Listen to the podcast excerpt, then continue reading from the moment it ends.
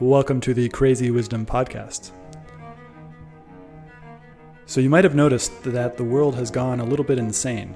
Um, and to get through this in a way that is sustainable and maybe even joyous, we are going to have to find some crazy wisdom, uh, which is why I named the podcast Crazy Wisdom.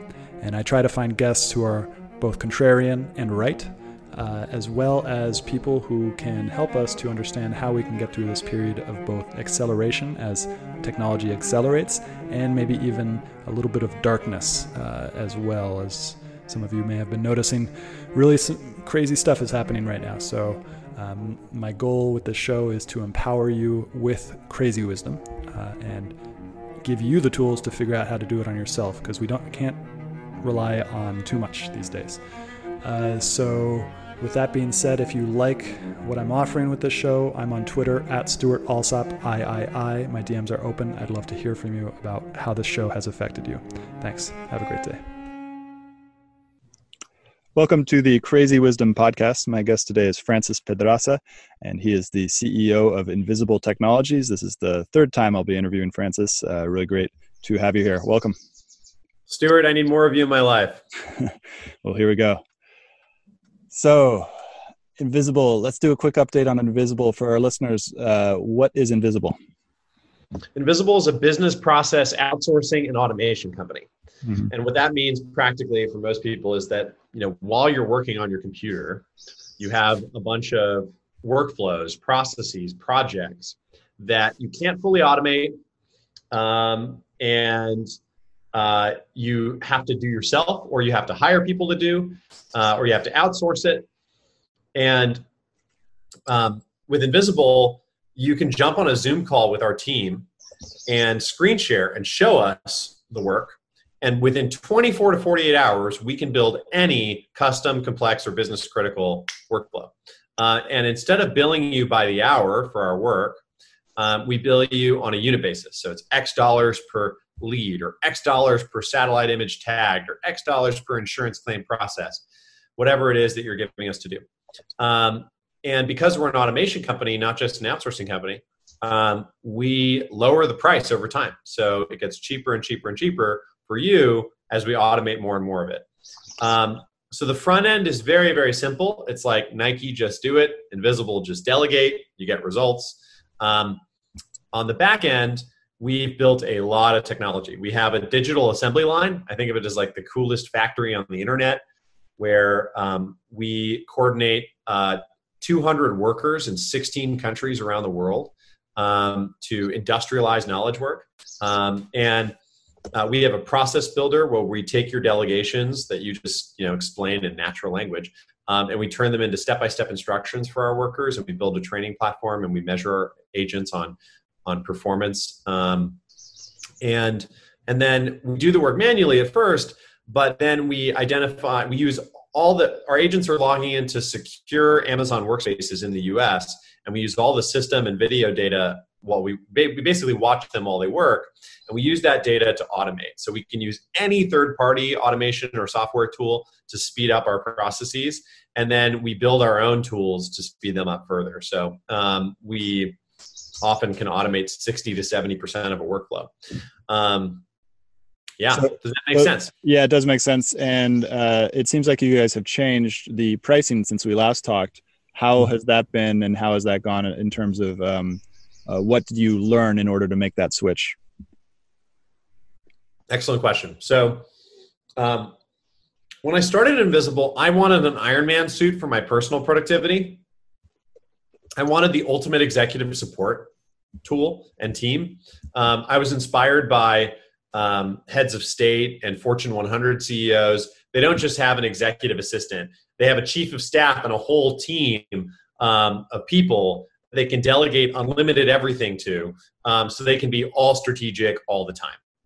And in contrast, the average college educated knowledge worker spends 41% of their time doing work that non college grads can do. Um, so it's a giant waste of human potential. Um, it's, I think of it almost like, you know, um, uh, pre-industrial revolution days where 98% of humanity was working on farms and then we invented things like tractors um, and it's it's probably the biggest productivity opportunity in the world today to give the ordinary person the ability to, to delegate work that is not strategic, not creative, not problem solving, um, and um, and so I've got a uh, question on that. Uh, there's the so yeah. you you you have this vision in your head of essentially like unlimited productivity, uh, and you know we've we've been promised that for a long time. But then there's the kind of normal response to that, which is we got more productivity, but we start we continued to do more work. Um, we to each person continue to do more work and has been more res- responsible. Do you think that what you're offering will actually allow people to work less? I guess it's the working less on the the bullshit. Um, that's what you're offering. Yes, great question. I'm going to go back to your. I'm going to answer your pricing question first, then answer this. I'll try to hit, mm-hmm. hit both. Um, so um, when we first built Invisible, it was a $10,000 a month service for CEOs only. and I thought nobody would buy at that price. We had five clients in the first two weeks and a wait list. And, and, uh, and the problem was that they delegated so much work that we couldn't keep up with them. so we were spending 20K a month doing 10K a month of, uh, you know, um, of work for these clients. And we didn't have our operations platform. We didn't have our product.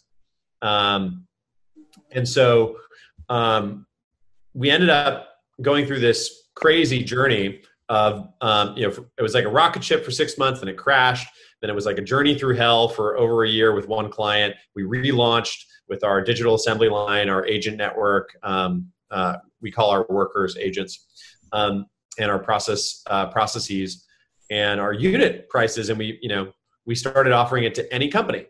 And um, we had a bunch of like tiny startups who were that are initial clients that had like less than 10 people in their company and the initial we put the we put the buying price really low. We, it was like $250 a month to sign up. So it's like we went from one extreme 10k a month to the other extreme $250 a month. And um, what ended up working was somewhere in the middle um, where um, you know the problem with startups is that they uh, are so chaotic um, and uh, they don't they haven't figured out their business model yet in most cases and they don't actually have processes. And then also to deliver incredible service um, uh, you uh, you need each account to be worth a certain amount of money um, to justify like really white glove service on the front end. And we really wanted to deliver like we care about quality so we really want to deliver like white glove experience at, an affordable price and so the right spot ended up being 2K a month as an entry price. There's just three subscription plans 2K a month, 6K a quarter, and 15K a quarter. Um, and, you know, 2K a month is an incredibly small investment for uh, a 50 plus person company that's either profitable in a traditional industry or is a growth, growth, growth stage startup to spend on digital operations. Um, and it's like AWS for labor in a way. Like you can, it's 2K a month minimum, but if one month you need to spend, you know, 100K and the next month you only spend 2K, that's okay. Uh, we can scale. Um, the, um, uh, yeah. So, um, and we've designed the whole thing around you know flexibility, but also um, giving uh, clients control. So over the price of the unit price. So within the first 50 hours of delegating a process, we will give you a results based price. It'll be it'll go from being you know a 2k a month you get a minimum of 100 hours of work but normally you get more than 100 hours of work because we turn around and we say all right it'll cost you um, x dollars per insurance claim process mr insurance company or x dollars per satellite image tag mr solar company or whatever whatever it is that you've given us. And um, and so once you know your unit price you know it's not going to go up. And you have you have certainty. Now, if you want your unit prices to go down, we get you to sign up for one of our quarterly plans and you get a discount. And if you're if you're an enterprise partner if you're spending at least 15k a quarter we give you continual discounts. So it goes from say $10 per unit to $9 per unit to $8 per unit. For every dollar that we automate uh, we give 50% uh, of those gains to the client. So you get 50 cents of cost decrease and we get 50 cents of margin gains. So our incentives are aligned. Um, and uh, and that means that like you never need to worry about taking the work that you delegate to invisible back in house someday and um, and then we have an incentive to keep making it more efficient. Um, if we just did the standard thing that most traditional outsourcing companies do, which is bill by the hour or try to lock our clients into committing to a certain number of FTEs per year, um, we would have the opposite. We'd have like a perverse incentive to go to be as inefficient as possible, mm. um, and uh, um, you know because if we could do something twice as fast, we get paid half as much. So yeah, you're you're creating an incentive structure that basically motivates you guys to fulfill things at a cheaper price. Uh, um, so you, the client gets it cheaper, but they also give you more work. Bingo. Yep. Alignment of incentives. Yeah. Um, and, and then, I, so I forgot my the other question, but I think I'm onto a, a bigger question here. When you so you have a vision for Invisalign, and you you're in, uh, sorry in, invisible.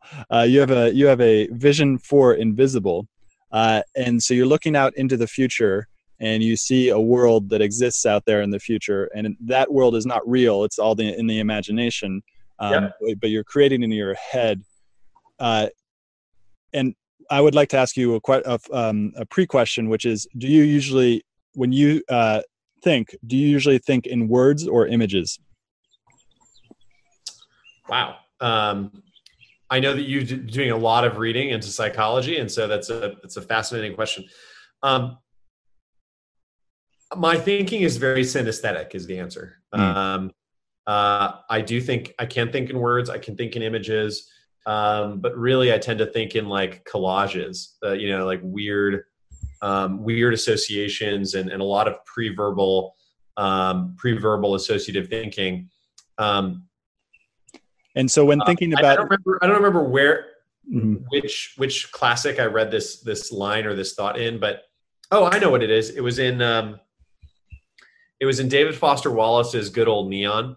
Um, he has the he has the he makes the point that in one second, in a split second, you can think a book's worth of thinking. You hmm. know, you can have these like weird neural explosions um, that that are incredibly difficult to articulate in words, um, and um, and that take a long time to unpack. And you know, to you know, the book that you've been reading, that you were telling me about, Stuart, um, emotions uh, emotions are, are incredibly uh, dense thought units like mm-hmm. they, they they are the valence of the emotion um, and the intensity of it like contain it it means that there's a lot there to com- to unpack yeah. so i don't think of i don't think of emotions as irrational um, but as like hyper rational um, well, and they're, uh, and they're, so immediate too. So it's just such a like a visceral visceral experience. It's stuck in the body. Like you, can, it doesn't. You don't really have an emotion that's not somehow experienced through the body. Um, and then they can create just millions of thoughts. Um, and and then and so when you're thinking about invisible in the future, this is one of the reasons, by the way, why AI is fake news. Um, because talk about yeah, AIs are never going to experience these emotions and I am happy to you know debate that with anyone who thinks that they will. Okay, well, yeah, let's talk about that because that's really interesting. And there's so I, I read this other book um, and the book of why, uh, and it all it talks about Bayesian inference and how what what we've learned from trying to teach computers or teach neural net, networks how to think. Uh, and they they're I'm not I can't remember the whole book, but it says it talks a lot about doing counterfactuals. And right now we seem to be at the plant time where we're kind of like in this. How do we actually teach a computer to think like what would have happened if this had happened instead? Um, but we're very far from teaching a neural network to feel. How can can we even teach a neural network to feel? Um, so first of all, I'll qualify anything I'll say um, with the caveat um, that I am not an expert, and in a way, I'm proud of it. I think that experts tend to to get questions like this wrong um, uh, because of um, uh, blind spots, um, uh, and you know they tend to be an expert in one dimension. But any really important question is multidimensional, and so they'll mm-hmm. like assume knowledge in dimensions they don't have uh, knowledge in. Um, so uh, as an amateur um, in many subject uh, subjects, but um, you know, I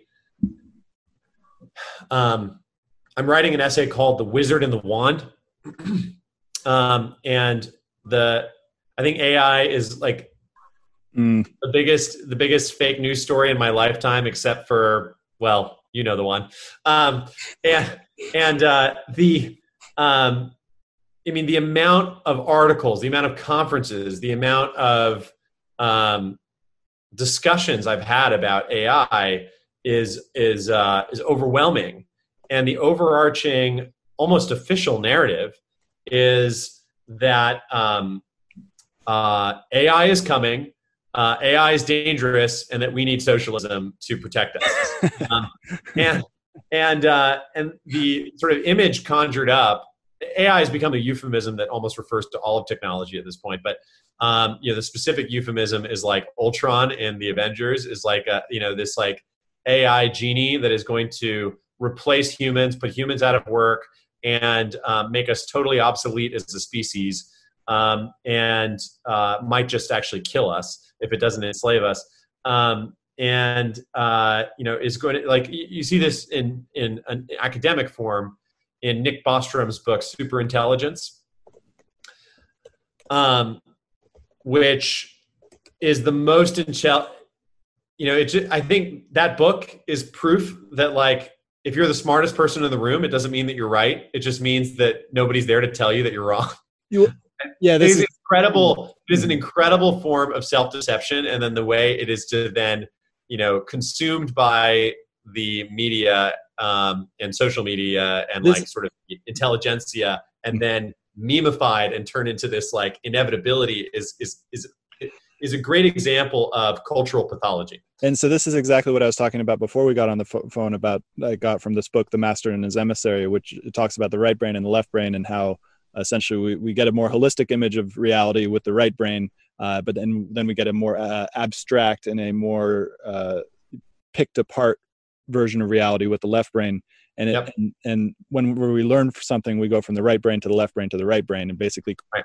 go from holistic to individual then back to holistic and our society is incapable of making that last from the left brain to the right brain we're all getting stuck in the words rather than what the words point to essentially that's right and and because we've lost connection with the right brain and we see the right brain as, as inferior as opposed to superior yep.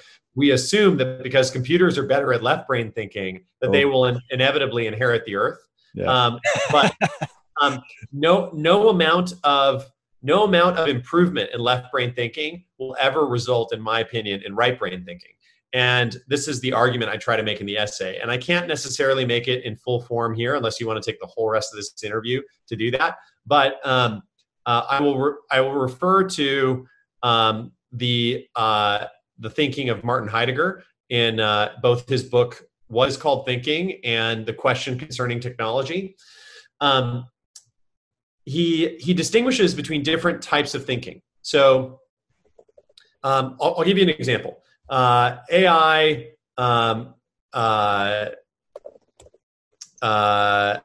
Let's what, what, should I call them? Singularians. You know, um, uh, they they they love talking about how AI is um, uh, can now beat humans at chess, can beat humans at Go, can beat humans at StarCraft and um, use these as examples of how inevitably they'll be able to beat us at everything. And I think that is a um, extrapolative fallacy where um, there is a difference of qual- kind or quality and um, between different types of strategies. So when you have a highly constrained game like chess that is sort of one dimensional, even though it's incredibly complex, it is tractable to processing. You can literally process every single possible move and optimize and react and you can you can create a, a, cosmos for the, the, the, computer's brain to just to, to go but you've set an optimization function and it's very constrained but reality is n dimensional and so there's this concept in strategic literature of grand strategy and um, there's an excellent book i've read called the paradoxical logic or sorry it's um, the logic of war and peace by edward luttwak and it's about the paradoxical logic of warfare. And I'll give you an example. If you asked an, if you created an AI for, well, actually, I'll give you the, I'll take AI out of it. Uh, I'll use a simple example. Um, if you were running a logistics company, Stuart, and the goal was to get goods from point A to point B, and there were two roads, a superhighway and a treacherous dirt path through the mountains. which would you take? Well, I mean, I think I know where where I know. I think I know the answer that that book would tell me to do is which is take the. Well, it depends on the it depends on the circumstances. Right. So your logistics company is the first question. Your logistics yeah. company. Which way yeah. do you take? Oh, uh, so I'll take the the superhighway. That's right. Now, suppose you're a general and you're going to attack the enemy, and the enemy is at point B, and there's two paths to get from point A to point B: the superhighway or the the dirt path through the mountains. Which one do you take? Well, that would be if I'm attacking then the dirt, dirt pathway. Right now, suppose you were going to attack them. Uh, you attack them in year one, but in year two, you might hmm. attack them again. Uh, which path do you take? The the superhighway. Um, okay, now it's year three, and you're in the same scenario. Which path do you take? Superhighway. And year four? Uh, dirt path. Year five? Dirt path. Exactly. So it's and the reason you're doing it is you're trying to be unpredictable, yeah. Uh, which is good. And yeah. so um, the question he's asking in this book is um, uh, why is warfare different? Why why does it operate by a paradoxical logic? Um, and how can we map that paradoxical logic? And because it is paradoxical, it can't be mapped um, because you have opposing wills and when you really get into what a sovereign will is, like, and you realize that a computer cannot generate it. So you would have to have an identity. You have to have emotions. You have to have desires. You have to want things. You have to have goals. You have to have an imagination. You have to have values, um, to assign values, literally economic values, not just philosophical values, moral values, aesthetic values.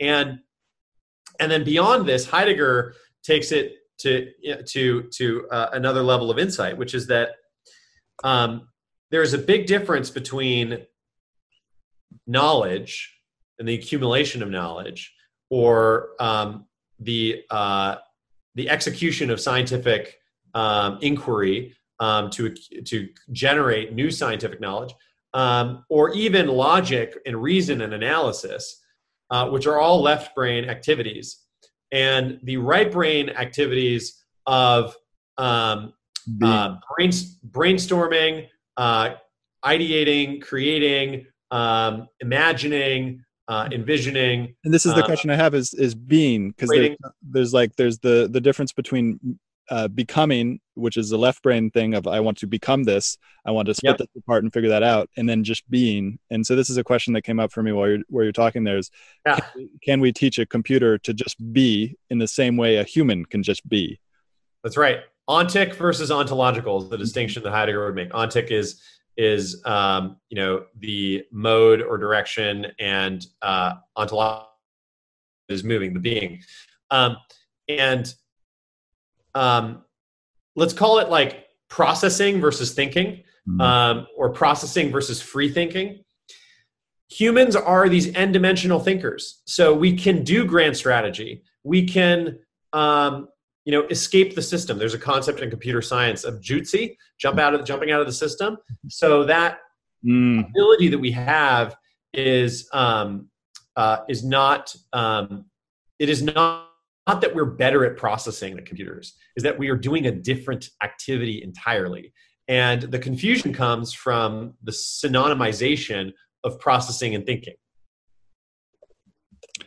So, society is getting this whole thing wrong, and we've bought into this kind of apocalyptic dystopian vision of artificial intelligence um, and but the and and humanity is like really really bad at predicting the future i i, I want to give a little example of this uh, there's this author francis fukuyama who declared yep. the end, end, of history in in 1998 yep. or something like that uh, and somebody took went on his instagram and uh, found a recent picture of him uh, in a grocery store with a mask on and and he subtitled this picture you know like oh i'm robbing the store like you know and it's total dystopian and it's so funny to just see that that like that you know that that's that's what we're doing all the time. We're all wrong about everything and then we put weight and emotional valence into this future uh, that is constantly changing and there's no way to predict it in any meaningful sense. I mean we can get trends and you know we're talking about like general things that are going to happen in the future and we can kind of play around in that area but all of it like it's not it's not accurate. It's not what reality is is going to happen. Yep. Amen. Um, and AIs are, are really incredible at dealing with chaotic systems, and actually, they make the systems more chaotic uh, because the more AIs you create, the more AIs you need to create because they're all sort of reacting to each other with their different optimization functions uh, in real time. But um, they they fundamentally need a thinker to provide direction and meaning and a goal. Um, and um, and so, in other words, I, I use the metaphor of the wizard and the wand. And so, the fallacy is that the wand is somehow going to replace the wizard. Um, that in the future there will be wands and no wizards. Mm. Um, but actually, um, what's what's likely to occur is that the um, the wand will be subs- will will just always make the wizard more powerful. Um, and maybe if there is a singularity event, the singularity to expect is one in which the wand becomes part of the wizard. So you know, in this even in this, it is slightly different than and it already is. I mean, it, the wand and, is already part of the wizard. So, and I'll right, give. It, but it's but the mm-hmm. so.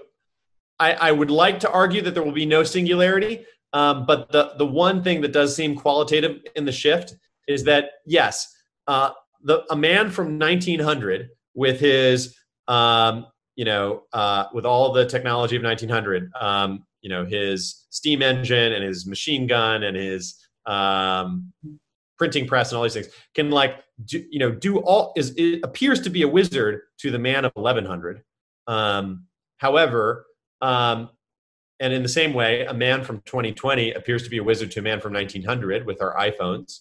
Um, our iphone you know but if you if you remove the man from 1900 if you put him on an island if you remove him from society and his tools then he's no longer he loses those wizarding powers. He becomes just like the guy from 1100. In the same way, if you remove us from our iPhone or from our from our devices and our internet and our society, if you put us in an island, we also just you know become like the man from 1100. Well, this, okay, this in the future that is qualitatively different is that the technology, the connection to society, and the connection to our tools and to the networks that we've constructed might literally um, like mm. the iphone might be inside of you it's like you swallow the iphone and you, yeah. iphone's in your brain and um, however um, i think the the important the important question which be, you know other than the question of whether this is possible other than the feasibility question the next question that it begs is what does this do to individuality and that in my mind is the central question that we need to get right and it is very clear to me uh, that individual individuality is under attack, but that um, it will never, as long as civilization exists at all, individuality will will and must always exist, and it will always come out um, because um, to to dest- to destroy it um, uh, eliminates the wizard function. Um, so so you know the the closest you can get to destroying individuality is building a collectivist society in which there is only essentially one individual, the sovereign, the king, um, the the Mao, the Stalin, the Hitler, um, uh, because you're you're submitting or subjecting all sovereign wills, all the individuals, to one sovereign will.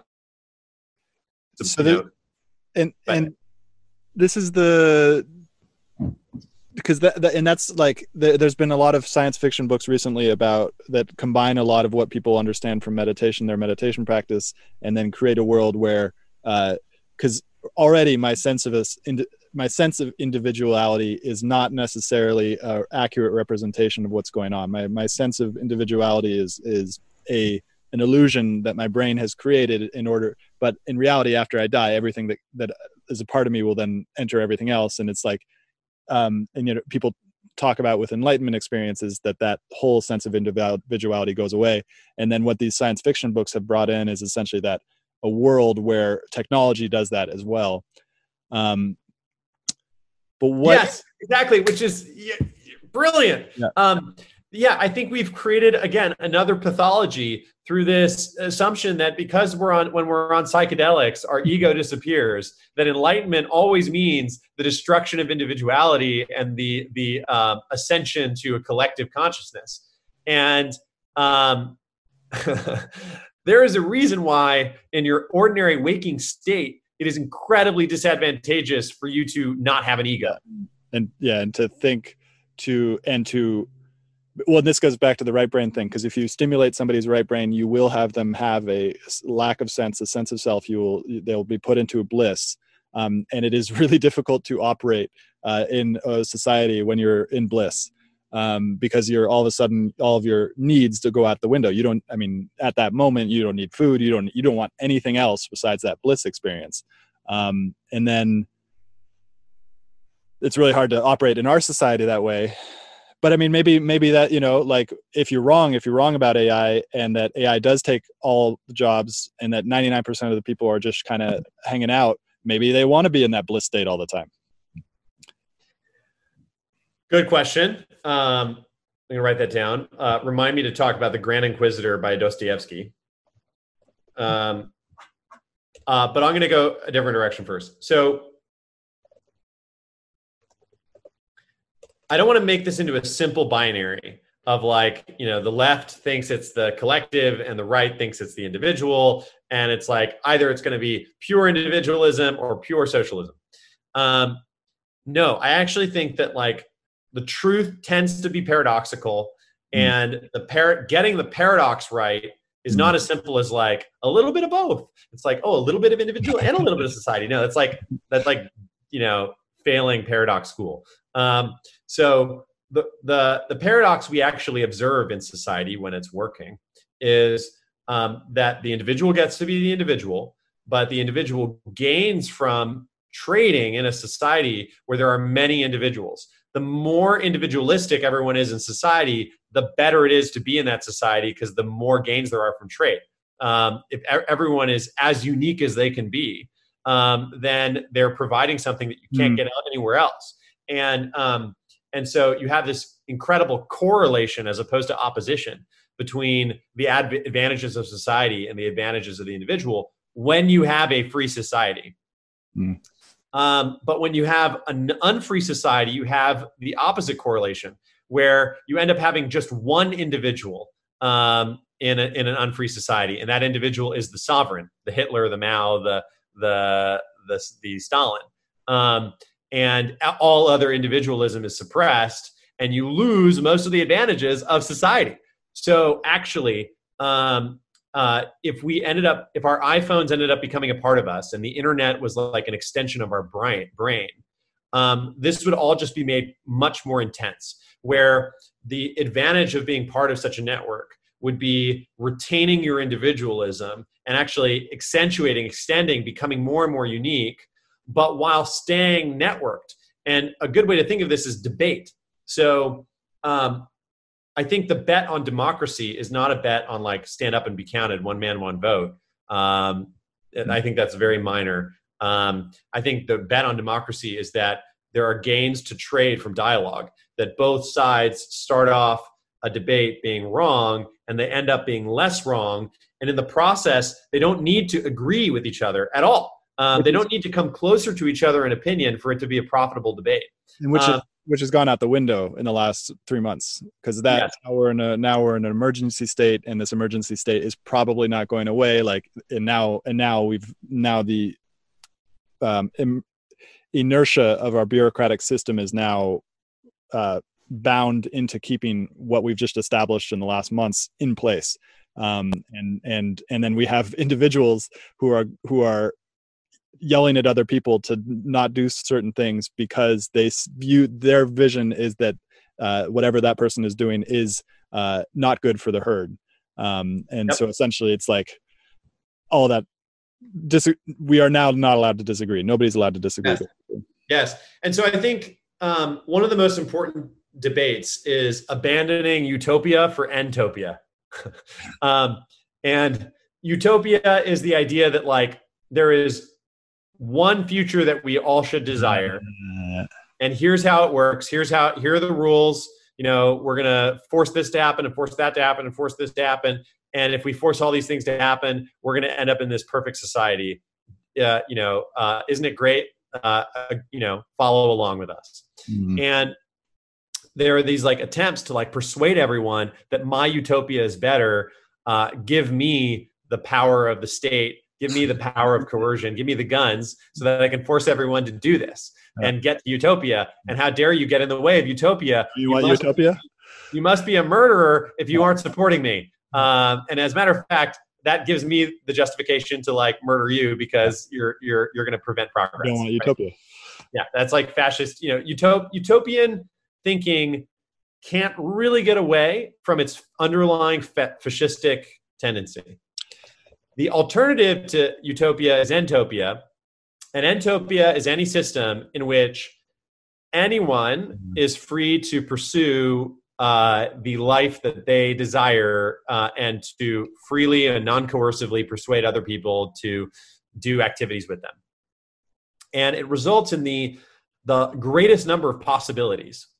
Um, and the, the, the basic rule in Entopia is nonviolence. It's like I can't force you to do things, um, but I can go do whatever whatever I want within that within that system.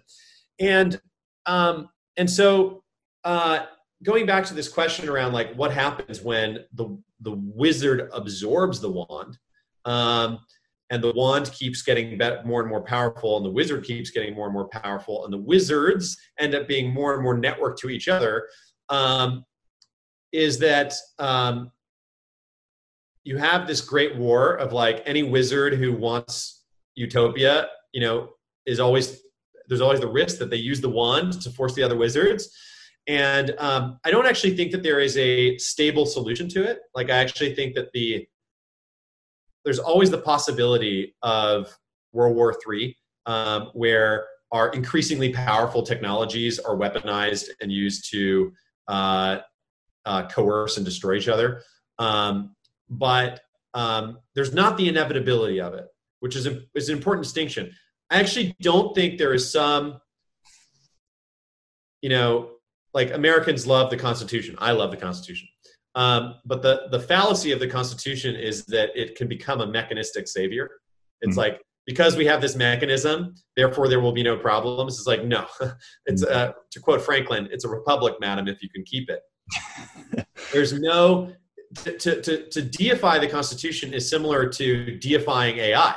It's saying this wand shall save us. But no, like it really ultimately comes down to the competing sovereign wills of the wizards um, and what type of world that they will create through through debate, through through striving, through um, uh, this weird combination of cooperation and conflict what do you that th- exists in a society. What do you think about have you seen this kind of recent trend? The hippies have been doing it a long time, but now the technologists in San Francisco, the younger ones are who are also hippies, are starting to set up uh, eco villages, and, and COVID nineteen has basically uh, spurred that on like crazy. And so now I'm starting to see them pop up. There's one just two hours north of me. Um, and so what they believe, what they seem to believe, is you establish a small community of uh, less than 150 people, um, and that that becomes the super individual. And what do you think about this idea of an individual within a small community. And can the small community become an individual? So i think i think the philosopher thomas hobbes is misunderstood um, and misinterpreted. Um, and uh, I'll, I'll even go I'll, I'll, I'll even have a further presumption and I'll say that Hobbes didn't understand himself. Um, who does? Who does understand themselves? Yeah. uh, so um, the idea so this idea of a meta individual uh, is in Hobbes. So the idea that society is a sort of leviathan, a meta individual that emerges from all the individuals. Um, and you know, the British invented the corporation, um, and it's one of the most important inventions we have. Um, and uh, and so there's there's simplified society, three layers. There's the individual, uh, the corporations, and the state. Um, or um, you know the individual the Medicis and the leviathan. Um, now you can make it more complex. You could say well there's like individuals and families then neighborhoods then cities then counties then states then then uh, and companies and then and then uh, states and then there's super states you know like whatever. You can just make it really complicated. But i think those three you know individual corporation and state um, are a good trichotomy. Um, and um, it is definitely true that a corporate identity can exist or a communal identity can exist.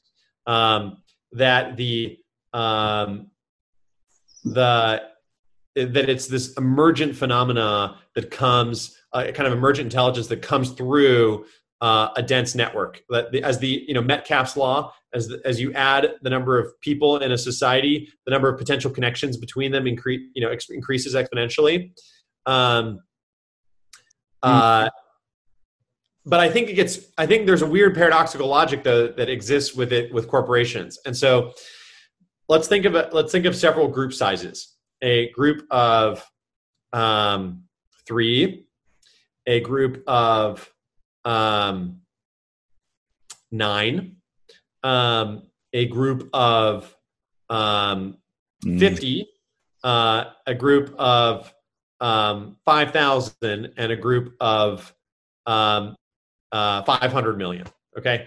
Um, group of three, um, you know, well, group of two, it's like we know how difficult relationships are.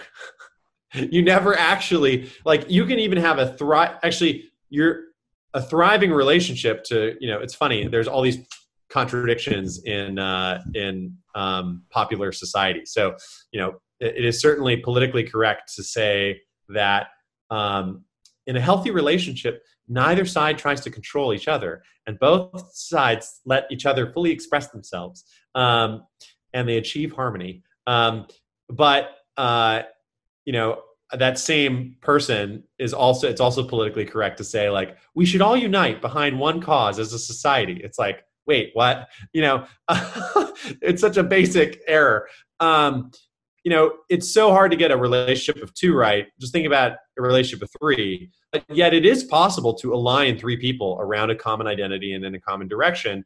And you can actually develop a hive mind that's pretty impressive, where over time, three people can so deeply know each other that um, they uh, they can almost guess what each other would say in most situations think about nine, like the size of the Fellowship of the Ring.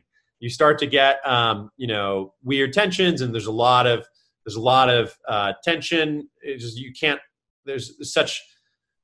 It's hard to build cohesion, but you can still create a common cause. We're going to go take the ring to Mordor. Um,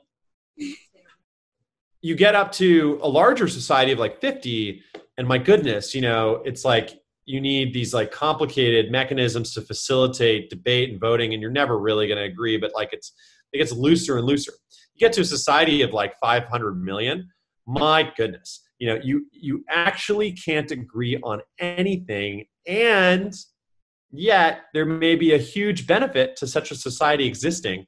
So the way you get the best of both worlds is you set up whatever rules you need to exist to preserve entopia and to allow the disagreements and the agreements to become fractal.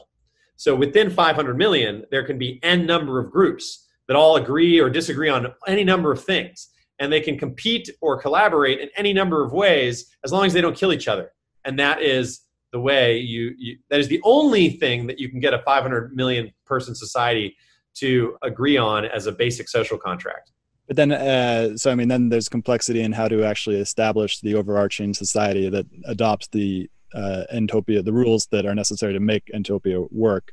Uh, and then there's another thing I wanted to talk about. Oh yeah, it's the global internet culture, um, and kind of you know that that we're, we're we have a representative of here. Your company itself is is kind of leveraging global the global internet culture in order to establish like a workforce that's uh, pan global and uh, and then and then you know what some people kind of see a lot of the singularity people see is that there's a essentially there's a a global internet nation that we're going to have. You know the united nations is just this first version of it. Um, uh, and eventually like it's like they're the global internet culture you know that old people can't really take a part of because they can't really get their minds into this this thing but young people are like immediate you know like 12 year old is playing um, games on twitch with people from indonesia and so all that stuff. It seems like if that's going to happen that is where you can build the rules for entopias for that global internet culture. I'd say bro have you seen the internet? Um, it is chaotic as fuck. You know, there's all kinds of disagreement. um, I won't deny it's paradoxical. I won't deny that on the one hand, uh, globalization is occurring, and so there is more of a global dialogue.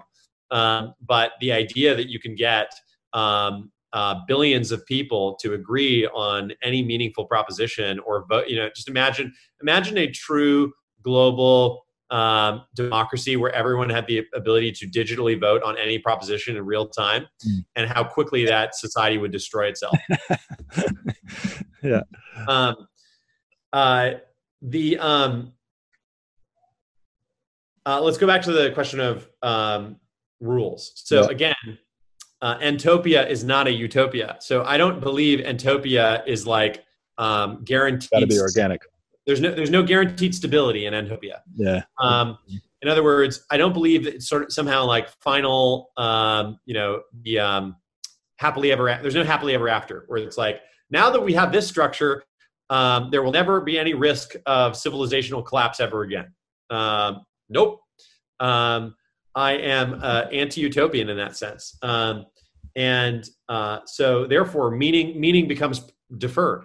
Hmm. Um, uh, you know the, the, the notion of progress is is a quite tricky one. Um, it's not actually clear that um, we've made progress, even though it seems like we have. So if you mm-hmm. take the Steven Pinker view that like you know things have never been better, you know um, Peter Diamandis, who I, who I enjoy, uh, is a friend of mine, um, an old friend.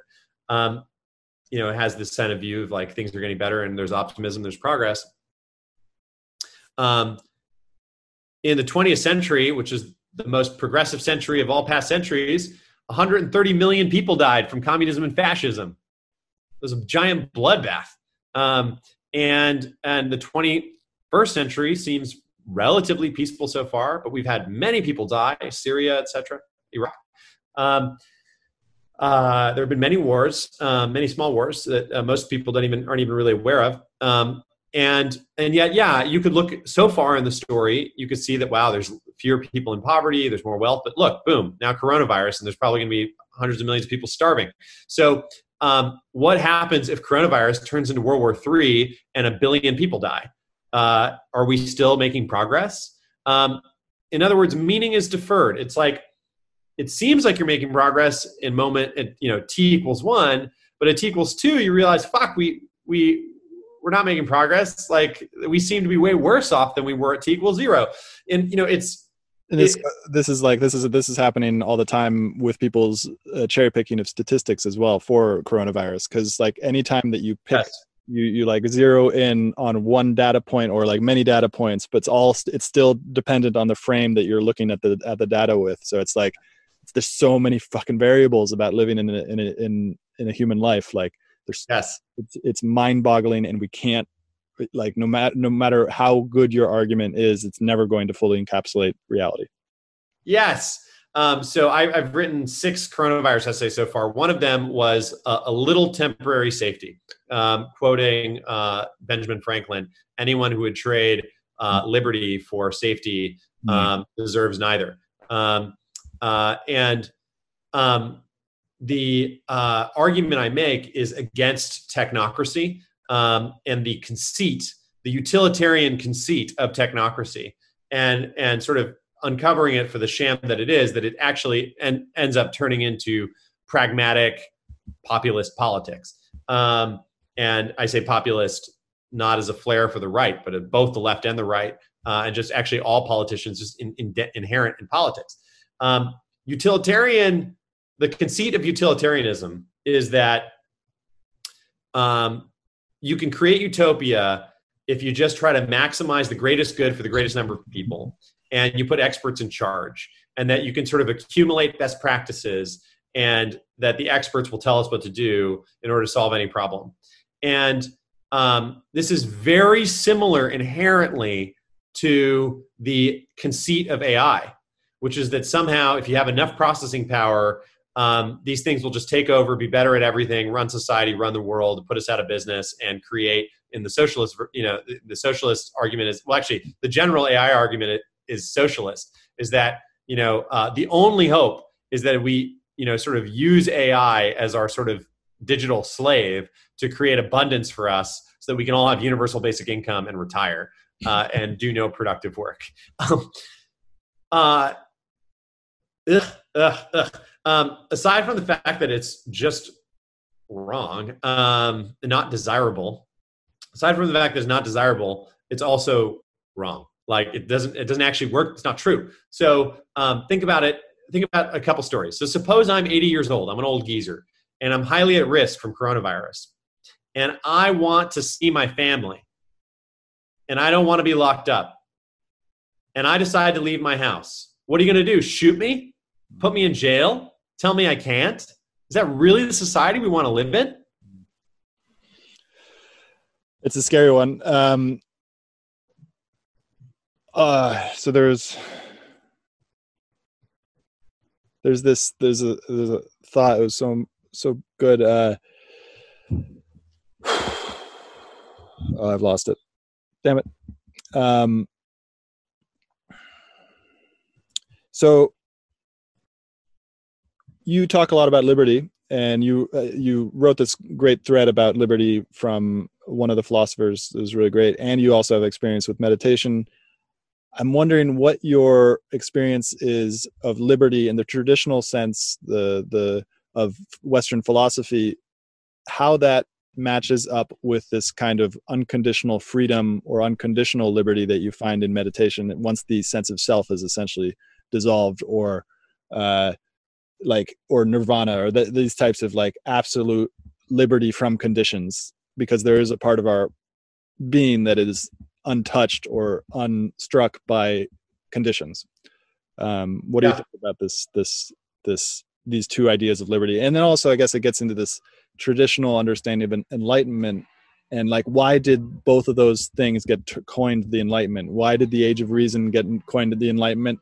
And why did uh, nirvana get coined as enlightenment?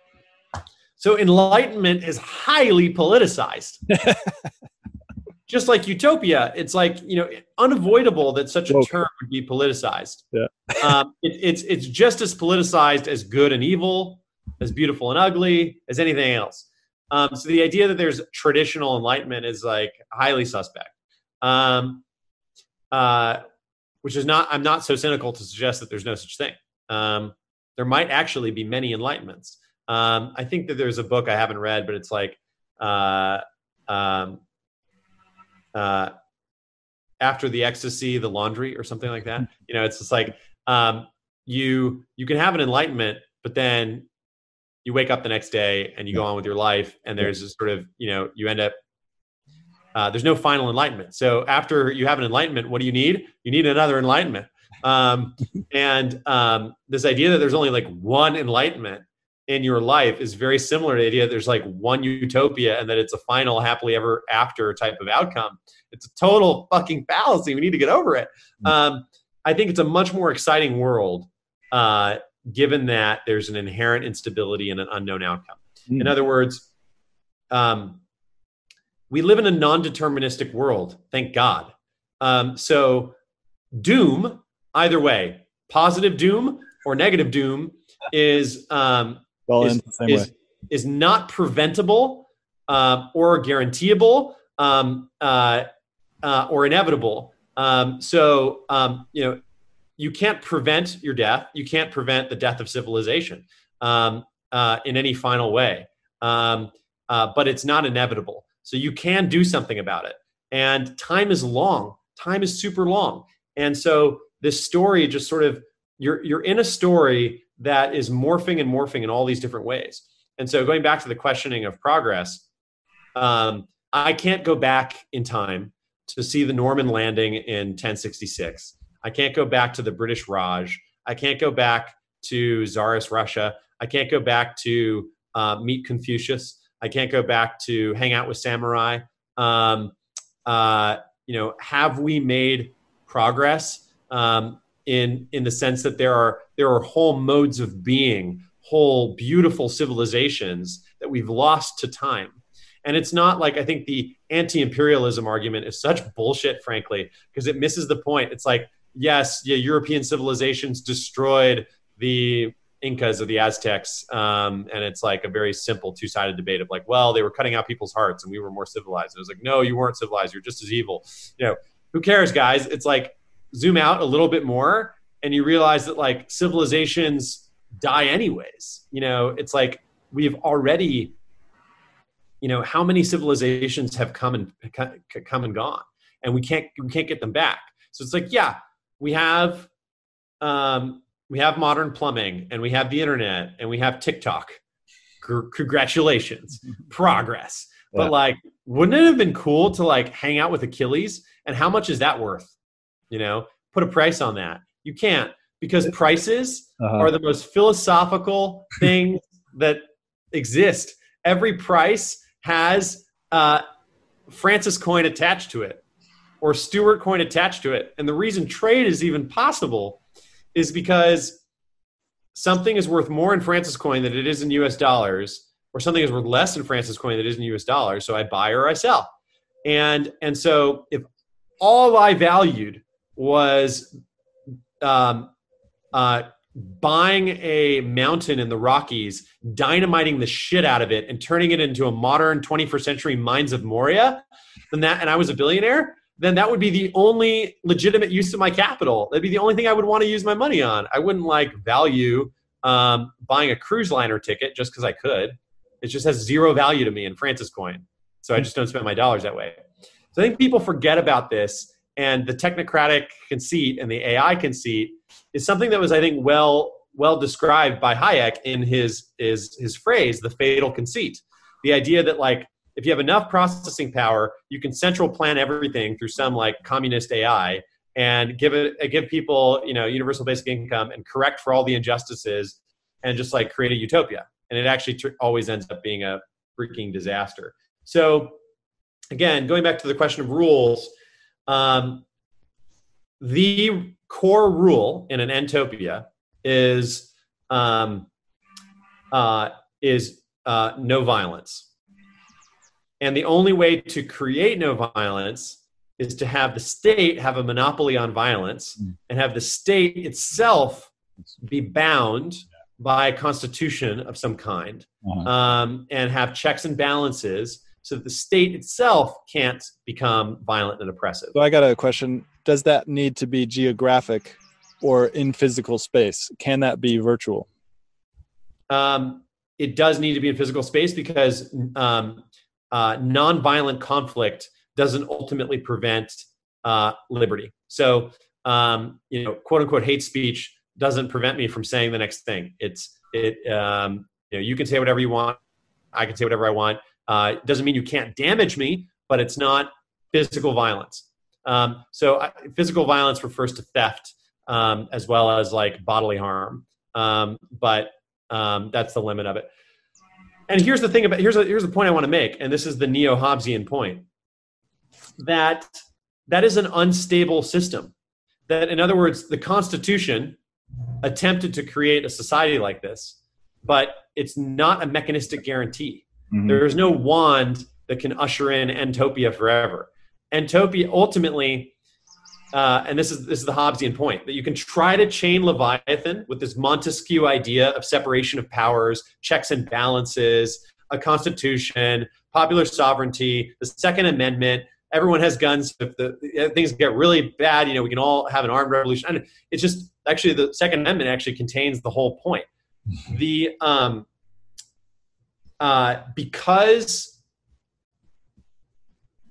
what makes society great is individualism, is the sovereignty of the individual. The fact that an individual can be unique, that you can be Beethoven and I can be Van Gogh and our neighbor could be um, uh, um, uh, what's a famous chef? Julia Childs, whatever. Like that you can have a society of all these incredible individuals who have their own ideas, their own desires, their own willpower, that you always have this built-in instability that like there's nobody who can guard the guardians, right? So it's like, well, if the state is going to have all the guns and uh, protect us from each other, who protects against the state?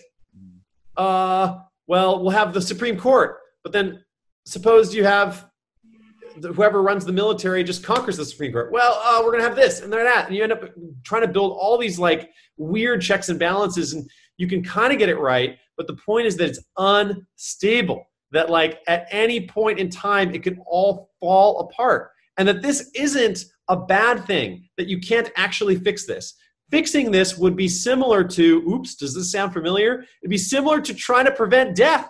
Okay, okay, all right, guys. Let's let's get to zero risk of civilization falling apart. Let's get to zero risk of death. It's the same thing. So zero risk of death is like, all right, the speed limit shall be five miles per hour. All right, uh, everyone must eat this exact healthy diet that the experts have said. Like, all right, it's like you get into these, and it's like, no, it's it's not possible. It's, it's all over optimization. If you that's, want and that's i mean that's that's it. That's the the it's the each individual's fear of death and it's like unlooked at fear of death. They can't even like broach that even general subject without thinking themselves morbid um, of like death. That's gonna happen. It's gonna it's gonna get you uh, and there's nothing you can do about it and it's just like the the the unwillingness to even look at that and that that feeds all of our issues in a society of like nobody wants to die so it's like but there is no escape from it. No escape. And I think I think I'm gonna, now I'm going to get re- really religious about it and go back to your question around meditation. I'll do an Eastern and a Western take on it. Um, it is true that in meditation, and I say meditation, by the way, is not in some way monopolized by the East. You know, um, there's mm-hmm. definitely been meditative traditions within Christianity as well as in really most traditions that I'm aware of. But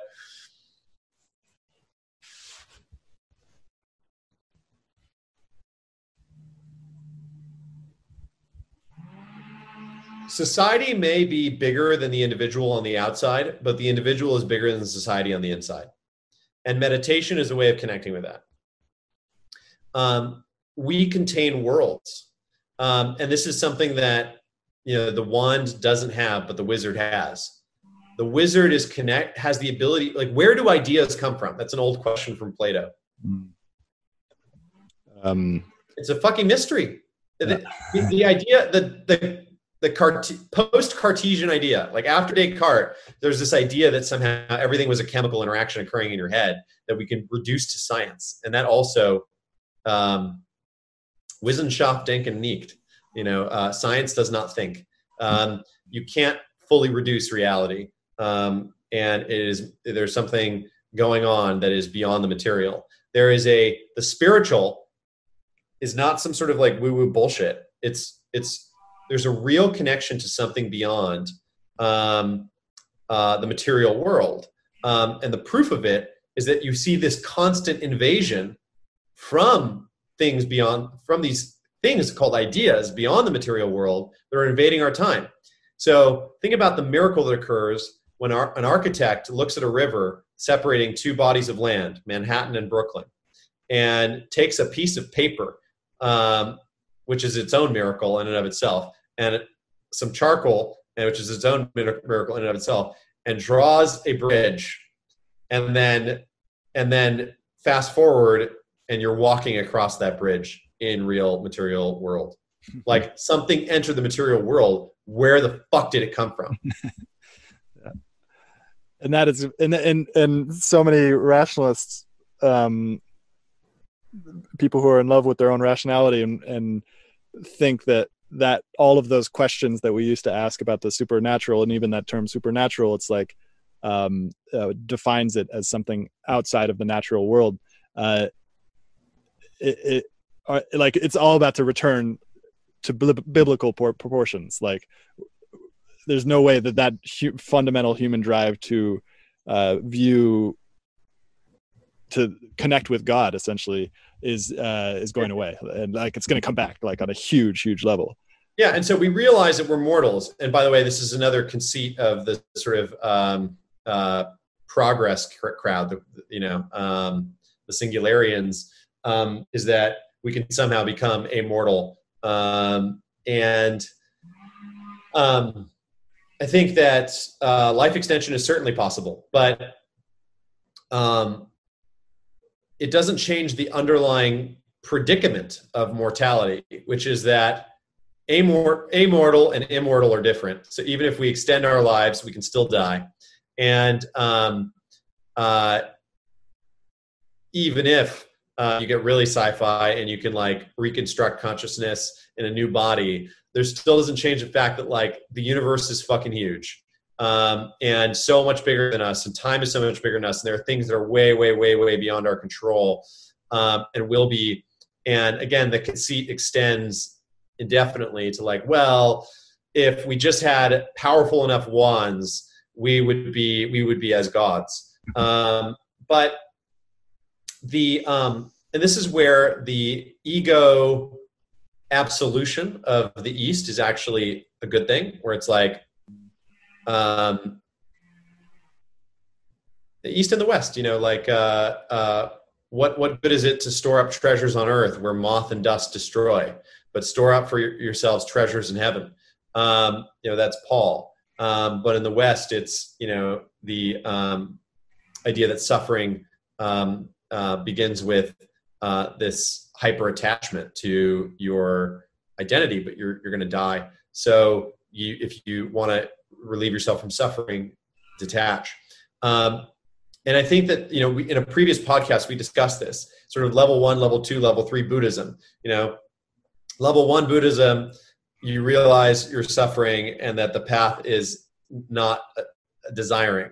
Level two Buddhism, uh, you detach from the world, you go to the top of the mountain, then you realize you're desiring not to desire, and that you know. Um, and by the way, even if you can uh, do that and pull off that backflip um, uh, and fully detach, it's a sort of like nihilistic suicide that ultimately, if you choose not to commit suicide, uh, you come back down from the mountain, level three Buddhism, and you try to um, uh, operate as an agent in the world um, maybe I'm a heretic, but I'm okay with that. It's where I'm going with this is um, you know, Plato's aeon, this connection to the infinity of possibilities and ideas and all the desirable and possible worlds, the ability to create the the sense in the Christian term that we are made in the image of God and we we can we can we have creative power. Um, is is a godlike quality, but we are mortals, and and so the exercise of meditation is not to destroy ego, but is to reconstitute ego, to you know break it apart, um, connect with the beyond, um, uh, back, and yeah. and come back down and reincarnate, uh, be reborn, um, and then be an agent of the Tao um, in the world um, and recognize that you will always be an imperfect agent. Mm-hmm. You know um, uh, that there will always be conflict. Um, that um, uh, and this is where I'm going to get into heresies. You know, it's like um, uh, both sides in the Civil War were on God's side. I can't believe I said that. Um, you know, but quite, you know, the Battle Hymn of the Republic is a great, you know, example of the Union sense of like um, that they were on God's side, and you, you can't you can't help but like read Abraham Lincoln and almost weep at the you know the the spiritual um, uh, exercise of what he went through um, in um, you know standing for certain principles and a certain cause. But then also, I mean, if you read Robert E. Lee and what they were standing for, they were standing for something as well.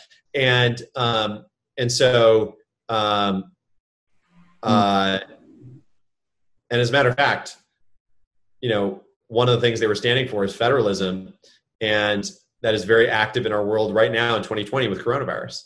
It's like the idea that maybe the federal government shouldn't tell us whether we should close our state, our city, our town. Um, so, what I'm getting at is that there's this mysterious thing going on that is existence itself and anyone who thinks that they have like fully bottled it up, fully yeah. understood it, is missing it. Yeah. And um, and back, to the left brain, right brain thing, because that's the bottling it up is the left brain, and it's like you got to bottle it up, but then you got to explode the bottle as well and realize that that that's not it. Yes. Mm-hmm. Yes. Yep. Um, so um, I've been doing a lot of painting. I uh, I'll show you some of my paintings. They're all on the internet though, if you want to see them. Um, but I'll talk about you know, this whole conversation in the context of some of my art. Um, here is uh, Cain and Abel. Can you see it? Yeah. So, um, Cain is jealous of Abel, so he kills Abel because his sacrifice was accepted, and Abel's uh, and Cain's was not. Um, and uh, the um, because um, they had different value systems in a way. He valued his sacrifice, he valued his sacrifice, and there was a you know uh, assumption that it's better. And in, in, this story is contained kind of the whole insight of Rene Girard around mimetic theory that um, sanity is a network effect and value systems are network effects. So um, you know, I desire a red Ferrari because you desire a red Ferrari. But if nobody desired a red Ferrari, maybe I wouldn't buy one. Um, and um, so all the herd, all the herd thinking is here, and this is a sin because it is much better to um, to have your own relationship with value, your own relationship with God, yeah. and not necessarily to prefer someone else because they are rewarded. Um, here's another story. This is the Tower of Babel, and the line is, you know, God, God uh, confusing them with languages, uh, and it's, behold, this is only the beginning of what they shall do.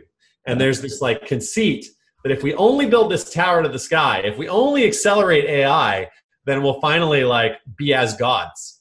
This is literally our society. This is such a beautiful image of our society. Yeah. Um, uh, here's this. Um, this is um, Jacob wrestling with the angel, and uh, the line is, um, uh, "I name you Israel, for you have wrestled with men and with angels, and you have overcome." And um, the idea is, and there's a great poem by uh, by Rilke, and I like the Robert Bly translation. Uh, it's a man watching, and um, uh, I will read a few lines. Um, uh, because it's like maybe my favorite. Um, yeah, and after that, we should we should take that as our last five minutes or so. Yep. Um, what we choose to fight is so tiny. What fights with us is so great. when we win, it's with small things, and the triumph itself makes us small. What is extraordinary and eternal does not want to be bent by us. Damn. Winning does not tempt that man. This is how he grows by being defeated decisively by constantly greater beings. And so um, I'll, I'll wrap that up with sort of like a last thing where it's like coronavirus, you know, give me liberty or give me death. Um, that you know this there's this utopian technocratic attempt that we see in everything from the AI fake news story to you know our willingness to be locked up by technocrats with coronavirus. It's all kind of the same in my mind where um, you know we we are trying to create utopia and perfect everything um, and the conceit is that it is possible to create a perfect world. But the the best world that we can hope for is not a one world where there's guaranteed progress and nobody dies and um, everything is sort of safe um, but one in which we are able to sort of continually strive, continually debate, continually um, uh, be at risk, um, and continually express ourselves. Damn, that's yeah, that's cool. Um, so, how can our listeners find out more about you? Uh, I'm easy to contact. Francis at invisible dot email, not dot com dot email. Francis at invisible dot email. You can also find me on Twitter you can also find me on Facebook. You can also find me on LinkedIn. I'm really easy to reach. cool. Thank you, Francis. It's always a pleasure. Uh, looking forward to the next one. Thanks, Stuart. Yeah. Hope you enjoyed this episode. I'll be publishing episodes every Monday, Wednesday, and Friday in the morning. If you did enjoy this episode, please find us on iTunes, Spotify, Stitcher, many of the major podcasting platforms, and go ahead and give us a review and also subscribe. And as always, I'm on Twitter at Stuart Alsop III. Come join the conversation as we aim towards the truth. And the funny thing about truth is that you can't really put it into words because every time you put the truth into words, create a linear narrative out of something that is nonlinear. The truth is nonlinear. It's not it's, it's, if you really recognize the truth right now, your mind wouldn't know what to do. It'd be overwhelmed by beauty pain, or it's it's something that is beyond our linguistic capability to represent. But that doesn't mean that the language isn't helpful. Language can point us in the direct right direction, but it's it's not it's not the truth itself. And so come join this collective inquiry into the truth. Find me on Twitter at Stuart Alsop III. Uh, subscribe to the podcast. Share the podcast with your friends. Uh, most people don't have the ability to let go of this linguistic understanding of the way that the world works and just aim for the truth, regardless of what the language tells us. Uh, and so I think what I'm doing with this this show is is necessary for us because as we enter this stage of uncertainty, uh, and we are most definitely entering an age of uncertainty, and as we do, it's really really important that we stop paying attention to what the mind is telling us all the time doesn't mean to say that the mind doesn't have its place. Mind obviously has its place, but it's just one of the senses. It's just one of the tools that we can use. We can use the mind, we can use the feelings, we can use our actual senses. Uh, we can check our intuition with other people because sometimes the intuition tells us the wrong thing as well. Sometimes the intuition is wrong. So it, we can't we can't rely on any one tool to get us there. So come join the show. Find us on iTunes. Find us on Twitter at Stuart Alsop III, uh, and come join the, this inquiry for truth.